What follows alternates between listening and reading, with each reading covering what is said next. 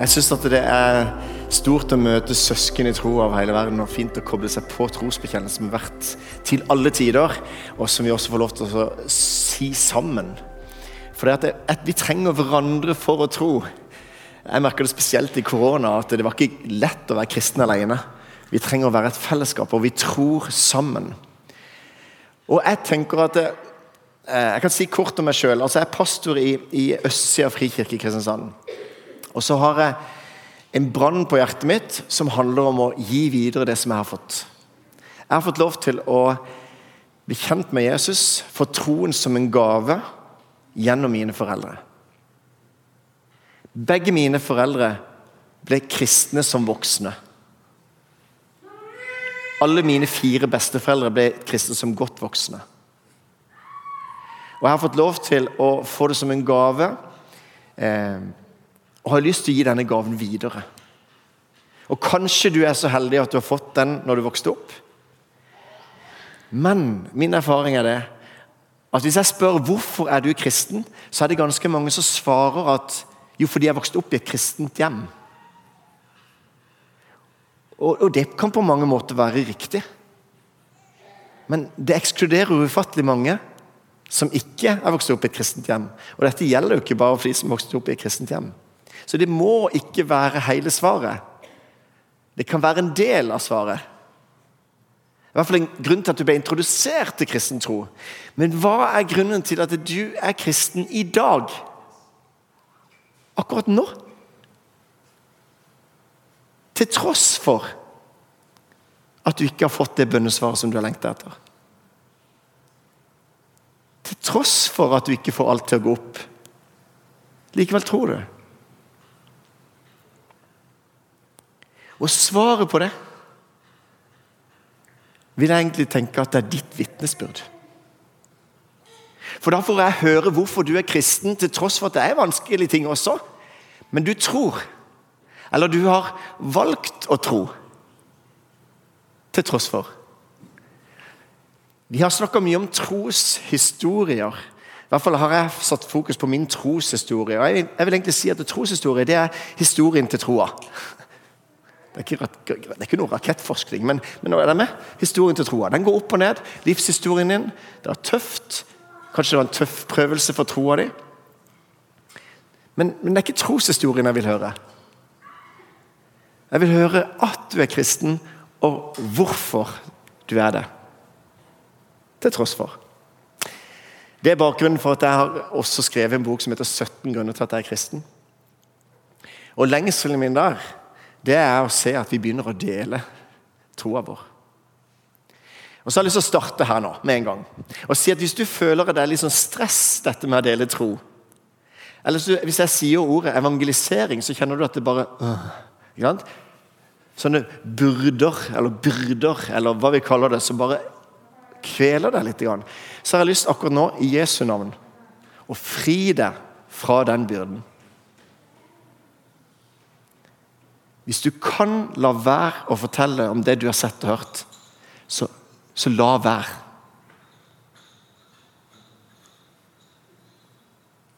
Det er kjempeviktig. Jeg synes Det er litt kjekt å komme tilbake igjen til Bergen. fordi at Jeg hadde studentsida mi her. Begynte på Handelshøyskolen, slutta der, tok heller master i kristendom. Eh, og så har jeg vært lærer på Bildøy. Og ble kjent med kona der og Så, videre. så vi hadde en veldig fin studenttid i Bergen. Og så var det litt kjekt når jeg satt på bussen fra Straume terminal i går. Hadde vært på lederkonferansen til Innovasjonsforbundet og fikk lov til å besøke de. Tor var der på fredagskvelden. Og så var det litt akkurat det stedet som jeg har skrevet om i boka. Og kanskje skal, Jeg hadde ikke tenkt det, men kanskje jeg skal rett og slett finne det fram. Fordi at jeg tror at jeg har lyst til å sette deg fri fra den byrde-burde-greia. Um,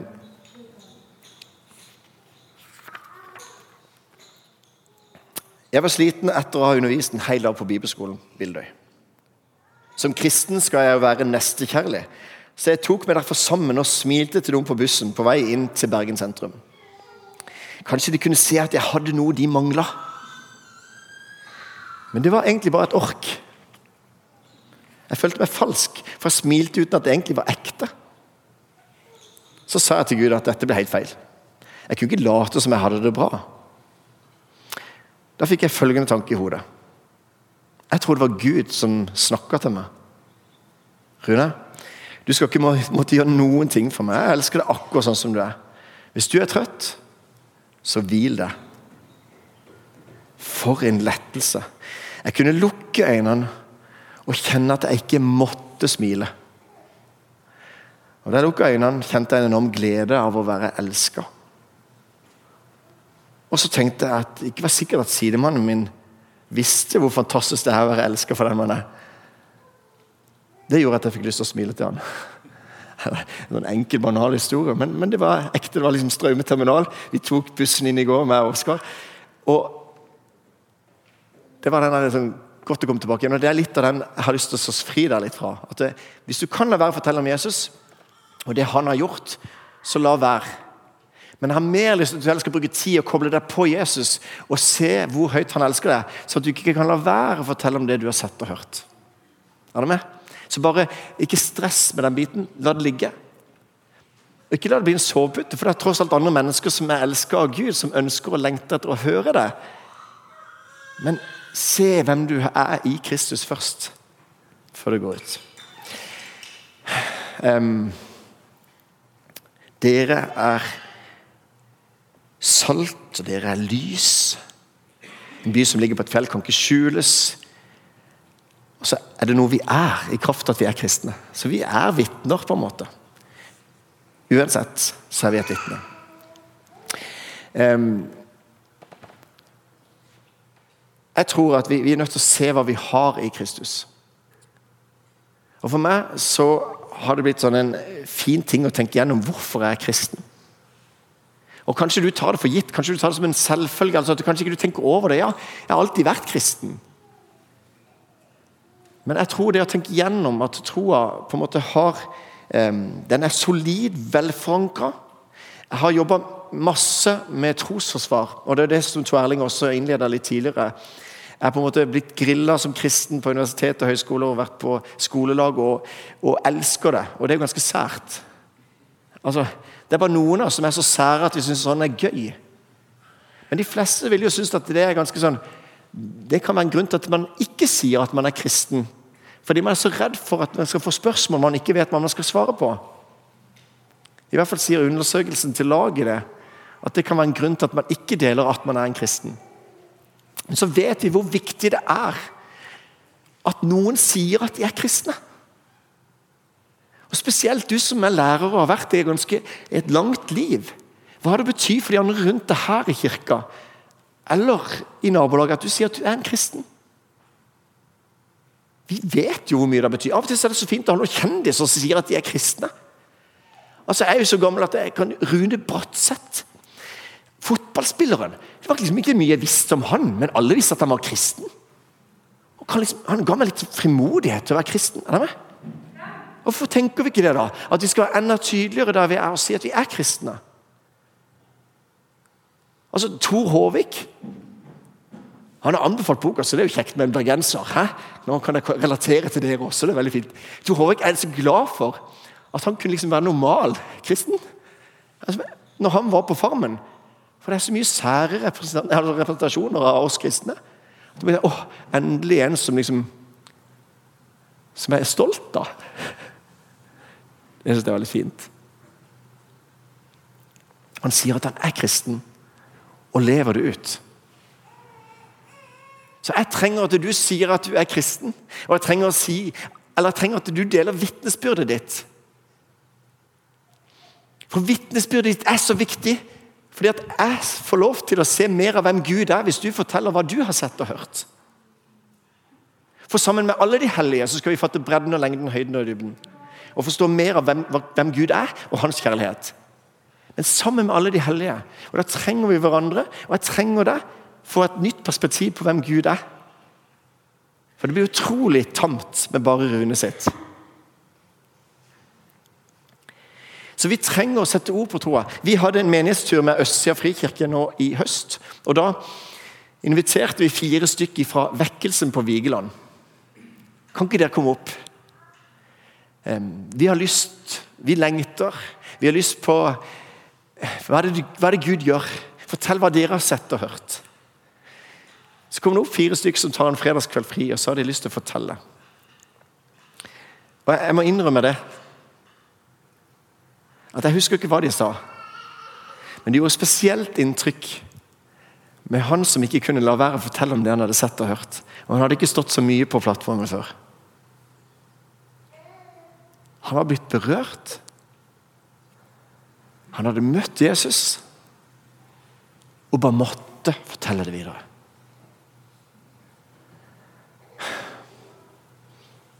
Så spurte jeg kan ikke dere be for oss, kan ikke dere salve og be for oss. Og Så fikk vi lov til å stå i kø. og, og Det skulle jo vare en time. Det varte jo to og en halv. ikke sant? Og så fikk vi lov på lørdagskvelden og de reiste hjem igjen og ha vitnemøte. Husker dere vitnemøtene?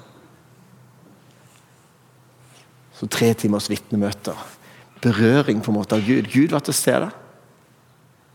Måtte vi ha de fra Vigeland? Nei, men De har utfordret oss litt til å ta det videre i hver enkelt menighet. Og Jeg tror ikke det er en hogspokus, jeg tror bare det er Jesus som er i sentrum. Og at vi forteller hva vi har sett og hørt. Og Min erfaring er at mange har litt anstrengt forhold til trosforsvar. Enten fordi de må sette oss inn i så mye, eller at vi på en måte føler at det er sånn at de skal forsvare Gud. Men jeg har lyst til å si enda en ting som jeg har lyst til å Altså, jeg må si det, når jeg var i Kristiansand frikirke, så, så, så, så, visste de at jeg skulle på Da jeg talte der, og så skulle jeg på ungdomsmøte eh, på Vox. Og så visste de at jeg skulle på, bli grilla som kristen på en skole i området. Og så var det en fin bønnelapp i sånn bønnekrukke, så som vi leste etterpå, så sto det Kjære Gud, jeg ber for Rune som skal forsvare deg. Og så er det jo herlig. Så takker jeg så mye for den bønnen. Og så tenker jeg bare Ja. altså, Gud kan forsvare seg sjøl. Hvis ikke vi sier noe, så skal Steinar rope. Så det går helt greit. Han klarer seg. Er det med? Av og til så lurer jeg på om vi av og til kjenner byrden med trosforsvaret. At vi liksom skal bære Gud. Det, det, det, trenger ikke vi å gjøre. Men hvis vi skal bruke det bildet med forsvar, så har jeg lyst til å tenke at vi er rettssalen. Så har jeg lyst til å tenke at vi skal tenke at vi vi skal ikke være forsvarere, men vi er innkalt som vitner. Og det er faktisk hver enkelt av oss som tror. Som er innkalt som vitner til å fortelle det vi har sett og hørt. Og jeg kan ikke la være å fortelle om det jeg har sett og hørt. Og når vi er vitner, så skal vi se, ikke lage vår versjon av Gud. Vi skal ikke plukke vår tro og sette sammen 'dette er min tro'. Nei, vi skal gi det vi har sett og hørt, og sammen med alle de hellige så skal vi få lov til å se mer av bredden og høyden. Bredden og lengden, høyden og dybden. Så vi må begynne å dele. Og Jeg vet ikke om dere har for vane å gjøre det, men jeg vet at dere har en responstid etter gudstjenesten. Kjære Jesus, la den responstida der gå langt utover denne søndagen. Nei, det går ikke, det, for vi har jo steik i ovnen. Er dere med? Men jeg, jeg, vi, jeg har en lengsel at vi skal bli berørt av at Gud skal vekke oss opp. Og Gjerne snakke om vekkelse. Jeg, nesten, jeg må innrømme det til dere. Sånn, ikke spre det så veldig mye. da. Altså, jeg må innrømme at jeg ble litt lei med at vekkelsen skjedde på den måten på Vigeland, hvor det var de gamle sangene. Er det med? For Da fortsetter man å be på at det skal være den måten vekkelsen skal skje på. Misforstå meg rett. Men jeg tror Gud bruker den type sanger og den type form, til tross for den type form. Jeg tror Gud bruker oss mennesker til tross for at vi putter Gud inn i en liten boks og sier sånn skal det være. Den type lovsang, den type salme. Hvis vi lar oss bli brukt, og hvis vi lar oss la Han få plass Så takk Gud for at han gjør det på forskjellige måter. Men jeg tror at vekkelsen må skje, at vi må våkne opp. Og jeg tror vi må se at vi må begynne å dele at vi er kristne, og hvorfor vi er det. Jeg tror den vekkelsen må skje. Og, og for det, det er ikke sånn at hvis Det var en veldig koselig tilbakemelding når noen kom og sa det eh, etter, etter sånn en Grillen kristen. 'Å, jeg skulle ønske du var med meg på skolen.' Det er veldig koselig sagt. Sånn, 'Å, det var fint sagt', osv. Men det er jo bare tull. Det er snakk om flaskehals. Og Da har du flaskehalsen som gjør at det ikke strømmer så mye fordi det stopper opp. For det er en sånn flaskehals. Unnskyld at jeg sier det, Tor Erling, men vi to vi er, vi er flaskehalser. Steinar, vi er flaskehalser. Vi, vi slutter. Skal, jeg gå ned? Nei, men er med? Vi, vi gjør at ikke det strømmer så rett gjennom. Vi flaskehals. Jeg, jeg, vil si det så tydelig at det, jeg tror at det er en kork som sitter fast i den flaskehalsen av og til. Det var litt direkte til meg sjøl.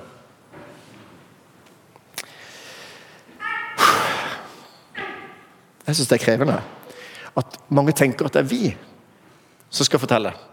Men det er, det er vi som skal gå ut som søsken og fortelle det vi har sett og hørt. Og Hvis ikke vi våkner opp med det, så dør vi ut. Men hvis vi begynner å fortelle hva Gud gjør i livene våre, der vi er Wow! Det er mektig hvordan det har berørt Vigeland. Alle snakker om det. Alle snakker om det. Og Hva er det som gjør at jeg ble så berørt av dette nå? For Plutselig bare så slo det meg at vi eh, Vi har en form som er veldig fin, med en plattform, og så sitter man og hører en lyttekultur. Og På fredag nå så utfordrer Tor Erling denne konferansen på IMF, lederkonferansen, som sa at vi må gå fra lyttekultur til disippelkultur. Så jeg håper at ikke dere sitter og lytter, men jeg håper dere tenker at eh, jeg har lyst til å gå. Jeg har lys og salt. Vi kan gå og smile. Du kan gå og smile på arbeidsplassen i 25 år til. Ikke sant? Jeg bruker det som et, eksempel, jeg har sikkert hørt det før, men jeg synes det er litt artig. For, for, du smiler og du smiler og du smiler, og så etter 25 år så sier de du, det er noe spesielt med deg. Er du vegetarianer? Ikke sant? Altså, jeg synes det er bare sånn Jeg elsker det her, for at de ser det er noe spesielt, men, men vi må også la det være salt og kraft. Vennlige ord, men salt og kraft. Og jeg elsker diakoni. Godhet. Vi skal spre godhet, Guds kjærlighet med godhet. Og om nødvendig med ord. Det er egentlig feilsitert altså, av Francis det, det, er jo ikke noen motsetning. Men jeg, jeg, tror vi kan elske mennesker inn i Guds rike. Det tror jeg. For at folk blir helt eh, perplekse hvis du gir dem noe gratis. Det blir sånn, wow, hva skjer? Ikke sant? Så jeg tror du kan overraske folk med en godhet, med en godhetsuke, med en dekkaksjon eller et eller annet sånt. Og frimat, som vi har eh, satsa litt på i, i Frikirka. Så tror jeg man kan få lov til å overraske med en godhet som gjør at folk bare Hva, hva skjer? Hvorfor, det? Hvorfor, skjedde dette? At du kan overraske med en godhet som gjør at hvis du gir en gave til din nabo, så tror jeg naboen liksom kommer til å gå i spinn. Jeg har ikke bursdag. Altså, hvorfor får jeg gaven? Altså, hva, og så skylder den personen deg en gave. Sånn er det. Vi er, vi er bygd opp sånn. Så Hvis du overrasker mennesker med godhet, så er det annet som skjer i relasjonen. Men, men vi trenger å la det være salt og kraft. At vi deler hvorfor vi er kristne også, eller at vi er kristne, bare. For mennesker lengter. Mennesker lengter etter det vi har. og da, Vi er altfor beskjedne på egne vegne. For vi henger oss opp i hva vi skal svare på det spørsmålet, det spørsmålet, og så er det vanskelig, noen av de tingene. Men vi er altfor beskjedne på egne vegne. Den freden som jeg har i den kaotiske verden som vi lever i. Den lengter mennesker etter. For jeg har 17 grunner til at jeg er kristen.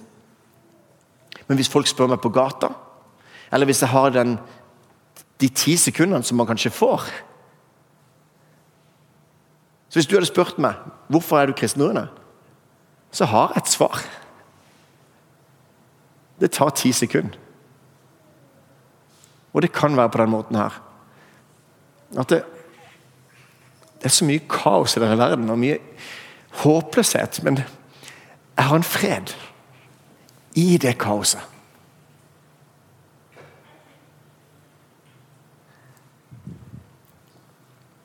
Den lengter de etter. Din nabo lengter etter. Kanskje du er her, som ikke har kalt deg en kristen. Men du lengter etter den freden. Og Da skal ikke jeg si det sånn at det her må alt blir forandra, blir ingenting problem. Jeg tror egentlig det handler mer om at det, hvis vi ber om fred på jord, så, altså alt skal bli, så er det egentlig en framtidig hendelse på den nye himmel og nye jord. Der skal det bli fred. Og Det er en grunn til at Gud ikke griper inn nå, for han vil at flest mulig mennesker skal ta imot hans gave før Gud setter stopp og skaper fred på jord. For da må vi vekk. For det er det onde er i meg, så hvis Gud skal ta vekk det onde, så ryker jeg med på kjøpet. Er det med? Så Derfor så vil han at flest mulig mennesker skal se at de er tilgitt. Og ta imot den gaven før han tar vekk det onde. Og Da skal han rydde opp. Det kalles i Bibelen for dommens dag. da. Som av og til vi tenker at vi skal ikke snakke så høyt om, men det er egentlig det mennesker roper opp etter. Gud, hvis du finnes, må du gjøre noe med den ondskapen i verden. Jeg skal gjøre det. Men han drøyer. For han vil at flest mulig mennesker skal komme til tro. Det står i 2. Peters brev 3,9 at Herren er ikke sen med løftet slik noen holder det for senhet, men han har tålmodighet med dere. For han vil ikke at noen skal komme Nei, han vil at alle skal komme fram Nei, unnskyld, nå klarte jeg ikke å sitere det. Herren er ikke sen med løftet slik noen holder for senhet, men han har tålmodighet, med dere. For han vil ikke at noen skal komme, gå for tapt, men komme fram til sannhetserkjennelse. Nei, et eller annet. Ja, jeg er inne på det. Altså Hvis Tverling bekrefter at jeg er inne på det, så, så, er det noe i den duren. Men det var litt spontant jeg sa det. Um, Gud drøyer for han vil at flest mulig mennesker skal komme til ham. Få lov til å se at de er i Kristus. For det å være i Kristus, det er å være en kristen. Så jeg er en kristen. Og det er ikke fordi at jeg har så himla sterk tro. Det er fordi at jeg er i Kristus. Og der kan jeg velge å være. Med sterk og svak tro, med tvil og alt mulig. Jeg er kristen. Jeg har lyst til å utfordre deg i dag til at ikke du definerer deg som at du Jo, jeg er jo en, jeg er jo en tviler. For Det er fin, altså det høres ut som at ikke er så bombastisk på en måte hvis du sier at du er en tviler. Men, men ikke definer deg som en tviler. Enten så er du i Kristus, eller så er du ikke i Kristus. Og Det å være i Kristus betyr at du er en kristen. Og Hvis jeg da tar et valg og sier jeg vil være en kristen, så kan jeg ha mange grunner til å ta det valget. Jeg kan ha mange bein å stå på med min tro. Og da blir han velforankra. Men ikke definer deg som en tviler. Altså tvil, Jeg er ikke redd for tvil. Jeg har podkast med en 'Pastoren og psykologen'. Der samtaler med en artist. Jeg er pastoren, han er psykologen. Han er artist, jeg er kristen. Vi samtaler. Kanskje du har hørt på den podkasten? Jeg kan bli overbevist av han, men jeg vil ikke tro på det. Jeg vil ikke tro på Jesus hvis ikke det er sant. Men det at jeg har våget å gå i dybden for eksempel, med min masteroppgave, så gikk jeg i dybden på Humanitisk Forbund og sammenlignet med kristen tro. Det at jeg vågte å utsette min tvil da, på, for jeg var jo sånn, Det er kanskje denne gangen jeg har tvilt mest. Trenger vi egentlig Gud? Så går du i dybden, og så bare Når du kommer gjennom det og sett på hva er begrunnelsen for det de tror, og hva er begrunnelsen for vår tro, så ser man det man stå ufattelig mye mer solid når man har våget å gå gjennom den tvilsperioden. Så ikke definer det som tvil, og ta undersøkt tvilen heller. Tvil betyr bare to. Tvilling, to, tve, tvil, to. Ok?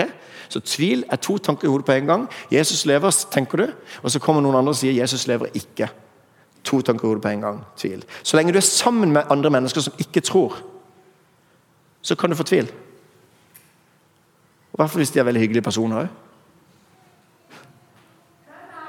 Men la tvilen på en måte bli undersøkt. Og tvil vil komme og gå hele veien. Det motsatte av tro dette har vi hørt mange ganger, det motsatte av tro er ikke tvil. ikke sant? Det motsatte av tro det er vantro. Det betyr at du har en anledning. Takk Gud for det. Du har en anledning til å si nei takk til Gud. For Hvis Gud er kjærlig, så må han gi en anledning til å si nei takk.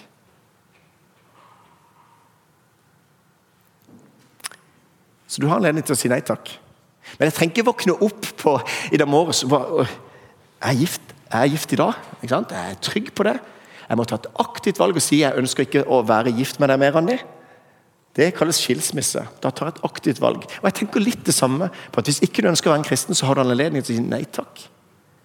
Men ikke være usikker på om du er kristen eller ikke. alt dette som dagsformen. Så Det motsatte av tro er ikke tvil. Det motsatte av tro er vantro.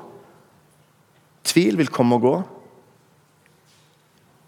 Brannmannstoget så tror jeg jeg prøver å holde fast i Gud. Men når jeg er troløs, så forblir han trofast. For han kan ikke fornekte seg selv. Så jeg kan liksom av og til ja, jeg holder fast i deg, Gud. jeg holder fast i deg. Nei, Det viktigste er at jeg lar meg holde fast til Han. Det er Han som bærer meg. Det er Han som bærer min tro. Det er Han som har skapt troen, det er Han som har skapt tilliten til Han. Men vi kan ikke snakke om tro før du har fulgt Jesus en periode for å se om han er din tillit verdig. Om han er troverdig. Gir det mening? Og Derfor må vi være mye mer fremodige. Jeg så dere skulle alfakurs. Vær mye mer fremodig til å invitere til det. Hallo, Jesus har tross alt bevegt milliarder av mennesker. Er det ikke interessant å bare sjekke han ut litt? Slå følge med Jesus. For når Jesus kalte disiplene sine, så sa han ikke 'tro på meg', 'tro på meg'. Han sa 'følg meg', eller han sa 'kom og se'. Og så når de var sammen med han Skaperverket adlyder han. Han tilgir synd. Sykdommer blir helbreda. Og så kom de til tro. En Messias? Er Guds sønn? Så slå følge med Jesus. Er du her er usikker, slå følge med Jesus. Og Hvis du har slått følge med Jesus og ser at han er din tillit verdig, så ikke tenk at du skal få alt på plass. Det er ingen som får alt på plass. Men finn ut at du har gode grunner til at dette vil jeg satse på. Og det er det som jeg på en måte gjør. Jeg kan egentlig utfordre deg også. Du kan slå følge med meg gjennom boka. Det er en måte å følge Jesus på. Det høres veldig, veldig ubeskjedent sagt, men vi er jo i Bergen, så jeg kan jo være litt sånn Men, men er det med? For jeg forteller jo om Jesus. Som, da står du følge og, og, på en måte blir kjent med han. Og så på en måte kan det være en måte å følge Jesus for at det kan vekkes tro. Så jeg hadde litt lyst til at det, ikke bare la det være to grunner til at du er kristen. For det er så vanskelig å holde seg fast til det. Hvis den ene rakner litt, og sånne ting, så på, en måte prøv å få et solid fundament for din tro. Og så trenger de henge sammen, disse grunnene. Jeg har lyst til å ha en sånn en tro som bærer og som gjør at jeg ikke bare stoler på den ene opplevelsen jeg hadde for 13 år siden, da jeg tok imot Jesus, eller den opplevelsen på leir for fire år siden som gjorde bare at Oi, der var Gud nær. Det er grunnen til at jeg er kristen. La det være grunnen. Jeg vokste opp i bedehus, og der sier de 'ikke bygg på følelser'. Jo, ta virkelig med deg følelsene inn i troa di, men ikke la det være eneste grunn. For da kan de rakne. Så Poenget er egentlig for mange bein å stå på, kanskje 17, kanskje 48. Men jeg har lyst til å ha en tro som bærer. Så forteller jeg mine grunner, og det er ikke interessant. Når jeg går her etterpå og Ja, Rune talte fint, eller samme det. Det er ikke relevant for hvorfor jeg er kristen. Det er først interessant når du relaterer det til deg sjøl. Og da kan det være bra at jeg kanskje sier hvorfor jeg er kristen. Så kan du si oi, det er jo min grunn. Eller, ikke sant? Er det med? Og så kan du få lov til å plukke helt vilt. Og jeg har plukka helt vilt fra andre. Og har brukt formuleringer fra andre. Men du må gjøre det til dine. Og begrunne din tro. Så at du ser at du har mange bein å stå på. Når jeg hadde denne boklanseringa i menigheten Skulle nesten gjort noe, men da var det sånn at det var en sånn scene, sånn, de er gymsaler. Sånn katedral kalles det scene, høy scene. Og så, så, spurte jeg en ungdom kan du, stå litt her, kan, kan du ta meg imot nå. Det skal være sånn tillitsfall. Vil du ta meg imot? Og så Stakkars han og stakkars meg, holdt jeg på å si. ikke sant? Stole på én grunn. Og Den dagen så hadde vi 15 ungdommer i ungdomsloungen som får cola når de kommer på gudstjeneste. Ja, for jeg synes Det er kult når de kommer opp til klokka 11. Og Da kom de fram og så stilte de seg opp 15 stykker, og så så kunne jeg falle trygt. De var ikke forberedt på det. De var litt usikre på om det skulle gå, men der vet jo tillitsfall. det er ganske sånn. Men da hadde jeg 15 grunner, og det kunne, det kunne jeg falle i. Da skjønner bildet. Altså, det var bare en sånn illustrasjon med den tømmerflåten. At vi må ha en, mange grunner. Og det skal ikke jeg gå inn på noen av dem, for det, det har vi ikke tid til i dag. Men jeg har lyst til å, at du skal begrunne din tro, og, og, og bli så fremodig at du våger å dele den. Og så skal jeg dele tre av de grunnene i dag. For det at dette er bokover og så zoomer jeg inn på de ulike grunnene. Så dette er min tro. Dette er de 17 grunnene til at jeg er kristen. Og Det som er litt sånn viktig for meg, da, er at den tro er forankra i hodet, i hjertet, i hender og føtter. i hele meg. Magen. Spise nåden. Fantastisk. Takk for nåden i dag. Og så får jeg lov til å tro med hele meg. Men det som jeg tror vi er nødt til å gjøre, det er at vi på en måte får forankra troa. At du skal elske Herren din Gud av hele ditt hjerte, av hele din sjel og med all din forstand. Så la Jesus tyte fram overalt. Det er ikke bare Jesus i hjertet. Jesus skal også være i, i forstanden. La han tyte fram der. Så bare ha flere bein å stå på, sånn at det ikke bare er vitnesbyrd, det er bare den opplevelsen du hadde med Gud. Men vitnesbyrdet kan være som følger. Grunnen til at jeg er kristen, er at det gir meg en mening med livet. Ikke bare i livet, men mening med livet. En annen grunn til at jeg er kristen, er at jeg har ikke nok tro til ikke å tro. Tygg litt på den. For meg så krever det større tro å tro at alt blir til av ingenting, enn å tro at noe står bak, som vi gjerne kaller for GUD. Men tenk gjennom det. Bruk den sjøl. Hvorfor er du kristen, sier de til deg på jobb på mandag. Vet du noe? Jeg har ikke nok tro til ikke å tro. Du kan si det, og så får du en oppfølgingssamtale. For de er nødt til å stille spørsmål. Og så har du Tredje grunnen min er at jeg strekker ikke til, men jeg likevel elsker. Hvis det er din grunn, så kan du si det. Jeg er så glad for at ikke det er meninga at jeg skal strekke til som menneske. Det har vi ikke sjanse til. Men jeg elsker til tross for den jeg er. Ikke bare som samfunnet sier 'du er god nok som du er'. Nei, jeg elsker til tross for den jeg er. Det er ufattelig befriende. Men forankre troa di, så at det er mange bein å stå på. Så hvis en av de rakner, så har du en bunnsolid tro likevel. Så hvis du ikke har opplevd det bønnesvaret som du lengter etter, så lurer du kanskje på Kanskje ikke kan være kristen, da, siden jeg ikke har opplevd bønnesvar. Så er mitt poeng at du har 16 andre gode grunner til å tro. Og Når jeg forteller om bønnesvaret mitt, som er det store bønnesvaret i boka, så skyndte jeg meg. Nesten så jeg har vært usikker på at jeg skal skrive det. For jeg er så redd for hva du tenker når ikke du har opplevd bønnesvar på samme område. Og Så sammenligner vi oss og sånne ting. Men, men det er en grunn til at jeg er kristen. Og så forteller jeg det, så forteller jeg det om et trosforsvar. Hvorfor helbreder dere Gud alle? Alle de vanlige innvendingene som vi får i møte med kristen tro. For de innvendingene er ikke bare andre sine innvendinger, det er mine egne innvendinger. Og da har jeg lyst til å la deg få lov til å vandre sammen med meg i det. Så det er en måte å slå følge med Jesus på.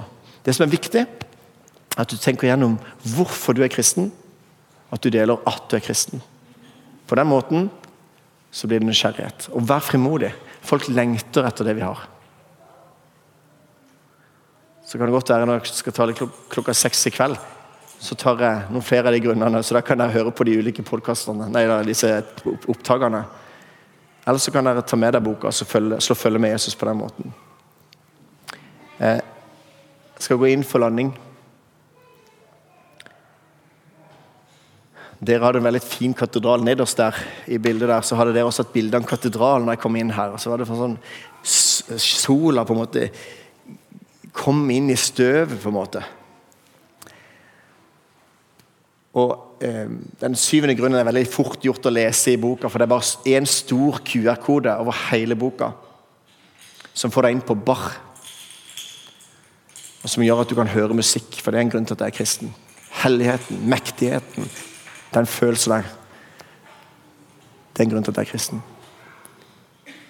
Men C.S. Lewis han hadde et bilde som jeg har lyst til å avslutte med. Han hadde skur.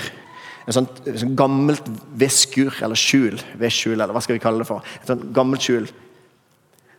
Bekmørkt redskapsbod. ikke sant?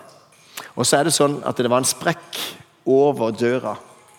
Og så ser han at lyset kommer inn i denne sprekka. Så ser han lysstrålen på en måte komme nedover. Og Da var det litt det samme som her. At du ser liksom hvordan støvet beveger seg i den lysstrålen. Så du kan på en måte betrakte på avstand det lyset. Og Det kan jeg også gjøre som kristen. Se det vakre lyset. Men idet du trer inn i lyset, og ser selve kilden til lyset. Sola som er liksom 350 000 km. Jeg vet ikke hvor langt det er egentlig. Kanskje det var det bare til månene. jeg tenker her. I hvert fall, lyskilden. Å stå i lyset. Og ikke bare se på lyset, men være en del av lyset. Stå i den kraften. Det er en invitasjon som jeg har lyst til å si helt til slutt i dag. Våg å kalle deg en kristen. Og Hvis ikke du har våget det helt sånn fordi du føler at du fokuserer på din, om den, din tro er sterk eller svak, så er poenget at det er ikke det som er poenget. Altså, din tro er sterk eller svak, det handler ikke om det. Det handler om at den er retta mot han som er sterk. Så ikke begynn å veie troa di og se er det en stor tro eller ikke tro. Jeg er i Kristus. Jeg er en kristen. Så det er en invitasjon til at du kan bli trygg i det, bli frimodig i det. Ikke tenk på spørsmålene du får. Tenk at den andre lengter etter det du har.